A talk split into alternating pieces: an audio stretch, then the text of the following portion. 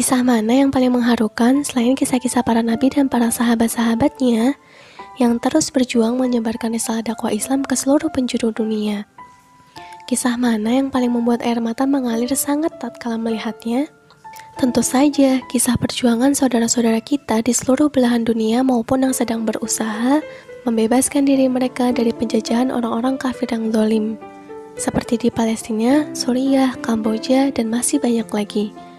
Jadi, jika dibandingkan dengan kisah kita, boleh jadi ujian kita belum seberapa dibandingkan kisah-kisah mengharukan mereka, kawan. Maka, jangan karena kita belum bisa menyelesaikan suatu masalah, kita merasa diri kita sudah gagal. Belum punya solusi, merasa diri tak berguna. Padahal, belum, bukan tidak.